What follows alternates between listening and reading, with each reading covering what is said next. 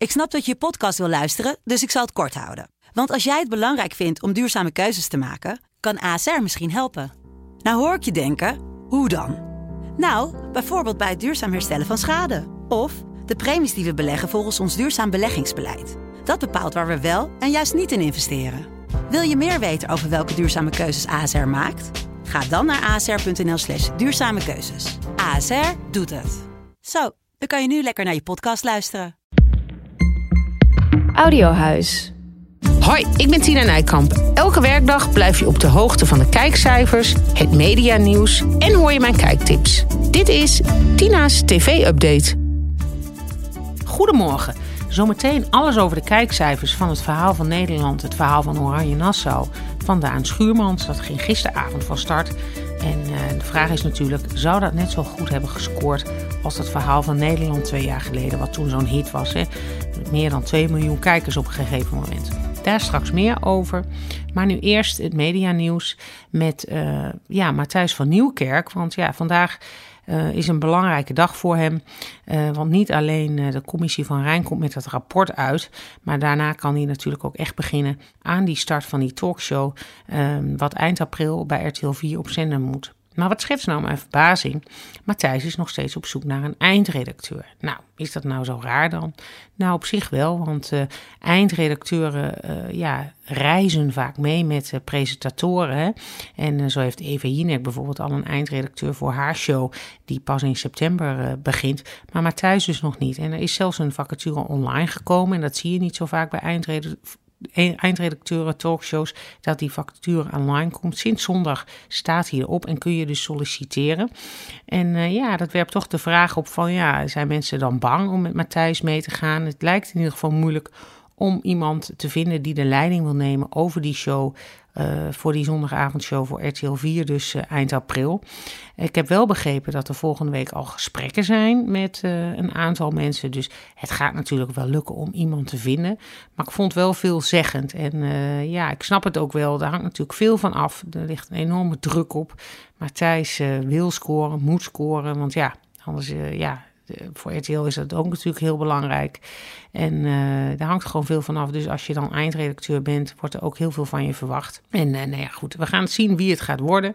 Maar opvallend is wel dat die vacature dus nu nog steeds online staat. Want ja, als je dus begint als eindredacteur nu, moet je eerst je eigen baan nog opzeggen. Nou ja, voordat je dan kunt starten is het maart, half maart. En dan heb je nog maar een maand de tijd. Dus de tijd dringt en nou ja, we gaan zien wie het uiteindelijk gaat worden. Verder is er in Engeland een soort, uh, ja, heel veel transfernieuws. Er is heel groot in de kranten staat daar dat Claudia Winkelman, dat is die presentator van de Verraders daar van de BBC. Die, uh, ja, daar wordt aangetrokken, zoals dat heet. Ze willen haar overnemen bij ITV voor um, een miljoenenbedrag. En uh, ja, dat zou een heel groot verlies zijn voor de BBC. Juist omdat die verraders, de traitors heet dat daar, zo'n enorme hit is.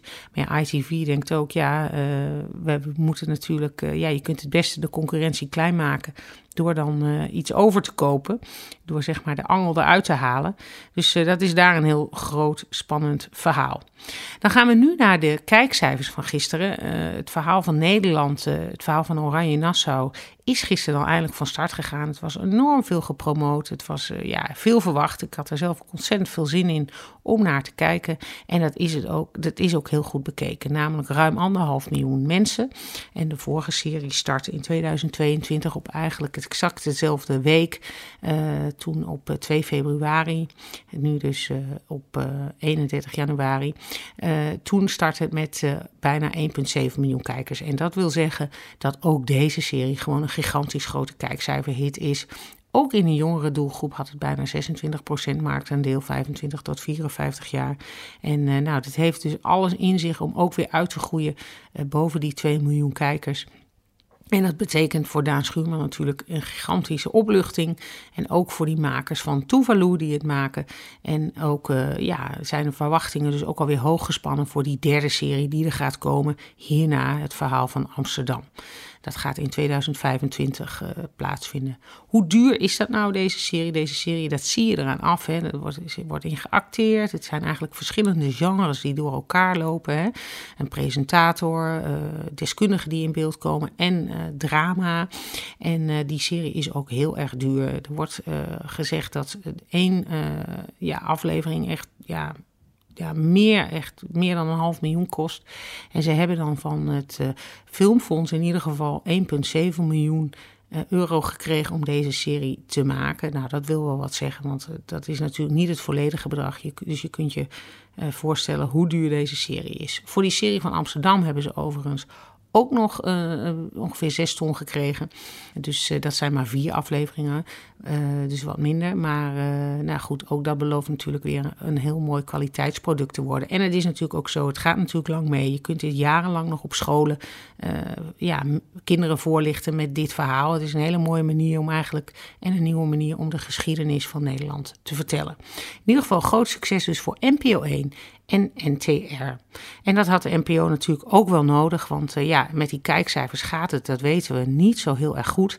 Uh, vanavond begint dat project Dans, ja, hm, ik lees daar dan over, ja, dat, dat, wordt een hele rauwe talentenjacht. Ja, bij het woordje rauw, ja, denk ik al, oei, dat uh, weet ik niet of dat dan wel heel veel kijkers gaat scoren. Ik ben er een beetje bang voor. Ik ben bang dat talentenjachten een beetje uit zijn dansen is in Nederland eigenlijk nooit uh, heel groot geweest. Hè. Zelfs Strictly Come Dancing, Dancing with the Stars, zoals we dat hier hebben genoemd, scoort eigenlijk, uh, scoorde eigenlijk matig en is hier niet meer te zien, terwijl het wereldwijd nog wel een hit is. Dus dansen zit niet zo in ons systeem als uh, populair genre. Nou, wie weet valt het mee, maar ik denk het niet. Ook, ik denk dat het vergelijkbaar met So You Think You Can Dance gaat scoren. En dat was rond de 500.000 kijkers toen de tijd. Nou goed, we gaan het afwachten. Maar spannend is het wel voor NPO 1. En wat ook spannend is, is natuurlijk wat Jeroen Pauw vanavond gaat scoren. Gisteren was Sophie weer aan de beurt. En uh, die had, uh, dook onder de 700.000 kijkers en maar 10,2% in die 25, 54 jaar. En dat betekent dat het uh, nog niet al te best gaat. Uh, met die kijkcijfers veel minder goed dan meer dan verwacht in een huis vol opnieuw. En uh, nou ja, het is nu aan Jeroen gelegen. En uh, als die nou vanavond veel hoger scoort, ja, dat kunnen we dan ook onze eigen conclusies wel uithalen, denk ik. Maar we gaan het zien. Dan nu de vragen. Komt Calvijn nog terug bij SBS 6? Ja, dat is een goede vraag. Vorig jaar zagen we hem natuurlijk in twee talentenjachten. Hè? Uh, die opvolger van The Voice, uh, waar hij in de zomer mee te zien was. In juli begon, dat toen. Met onder andere Angela Groothuizen in de jury. Uh, de Talent Project heet dat, meen ik. En natuurlijk in Everstars in het begin van het jaar. Maar ik denk, denk niet dat we hem terugzien. Niet dat hij het heel slecht deed of zo. Maar hij was natuurlijk freelancer. Um, ik denk dat hij zelf daar ook niet meer zo heel veel zin in heeft. Ik weet niet of hij veel geld nodig heeft of niet. Daar zal het dan in ieder geval mee te maken hebben. Want hij gaf toen al aan dat hij het echt puur en alleen voor het geld deed. Maar nou ja, ik denk dat SBS sowieso voorlopig niet zo uh, met talentenjachten meer komt. Ook omdat er gewoon vorig jaar eigenlijk en de jaren daarvoor alles is mislukt. En wat ook, waar ik ook benieuwd naar ben, is of RTL 4 nog wel komt met die talentenjacht. Met dat duo. Hè. Die gingen dan op zoek naar een soort nieuwe Nick en Simon. Er werd heel veel voor opgeroepen. Nou, er lopen nu nog steeds oproepen op allerlei sites voor. Maar ja, zou dat echt komen? Ik, ik vraag het maar af. Als ik RTL 4 was, zou ik er niet aan gaan beginnen. En zou ik gewoon als eerste talentenjacht nu gewoon weer de voice gaan doen over een jaar of zo. Dan uh, de vraag, uh, We Want More, komt dat dan terug bij SBS 6? Nou ja, dat zei ik net eigenlijk al. Ik denk dat talentenjachten, dat SBS 6 daar voorlopig even mee gaat stoppen. We Want More scoorde best nog wel redelijk. Hè? Dat was helemaal niet een hele grote flop. Maar ik denk dat internationaal dat weinig deed. En dat daarom John de Mol denkt, nou ja, ik heb er eigenlijk niet zo heel veel meer aan. Het scoorde niet heel erg hoog. Dus ik ga mijn pijlen weer wat op nieuwe formats richten.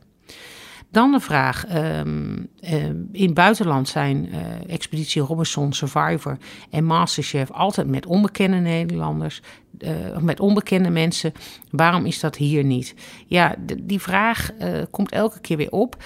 Um, in het buitenland kennen ze eigenlijk dat celebrity deelname minder dan in Nederland. Dat klopt. Maar in Nederland zie je toch echt wel dat die celebrity versies het veel beter doen dan die onbekende versies. En nu gaat natuurlijk Wies de Mol een onbekende versie doen, maar dat komt alleen op NPO Start. Dus daar zullen we de kijkcijfers nooit uh, van te weten hoeven te komen. Die horen we alleen als het, uh, denk ik, heel goed bekeken wordt, want dan zal er wel een jubelend persbericht uitkomen. Maar spannend wordt natuurlijk wat die Verraders gaat doen op 16 februari, want die is voor het eerst in Nederland met onbekende mensen in op de BBC was dat al met onbekende Britten, maar nu dus ook in Nederland voor het eerst. En dat wordt wel heel erg spannend en ik denk ook veelzeggend over hoe de koers verder gaat worden in Nederland. Uh, het onbekende was natuurlijk en met celebrities en met uh, onbekende mensen. Maar helemaal onbekende mensen, ja, dat hebben we al heel lang niet gezien. In ieder geval niet een programma wat daarna een hele grote hit is geworden. Dus uh, heel spannend voor RTL 4 en voor de producenten van de verraders hoe dat gaat aflopen. Nou, dan ben ik aangekomen bij de kijktip. En de kijktip is dat project Dans. Ik ga er zeker uh, even naar kijken. En voor de rest denk ik dat heel veel talkshows vanavond het gaan hebben over de commissie van Rijn, het rapport. En uh, nou, dat is misschien ook een uh, kijktip. En als er nou nieuws is over die commissie van Rijn, of komen, komen grote dingen uit, volg dan mij op Instagram, Tina Nijkamp, want ik ga daar vandaag allemaal alle updates over geven op mijn Instagram. Nou, en anders zie ik je, hoor ik je morgen of een andere keer. Fijne dag. Dit was Tina's TV-update. Heb jij nou ook een vraag? Stuur me een berichtje via Tina Nijkamp op Instagram. Tot morgen!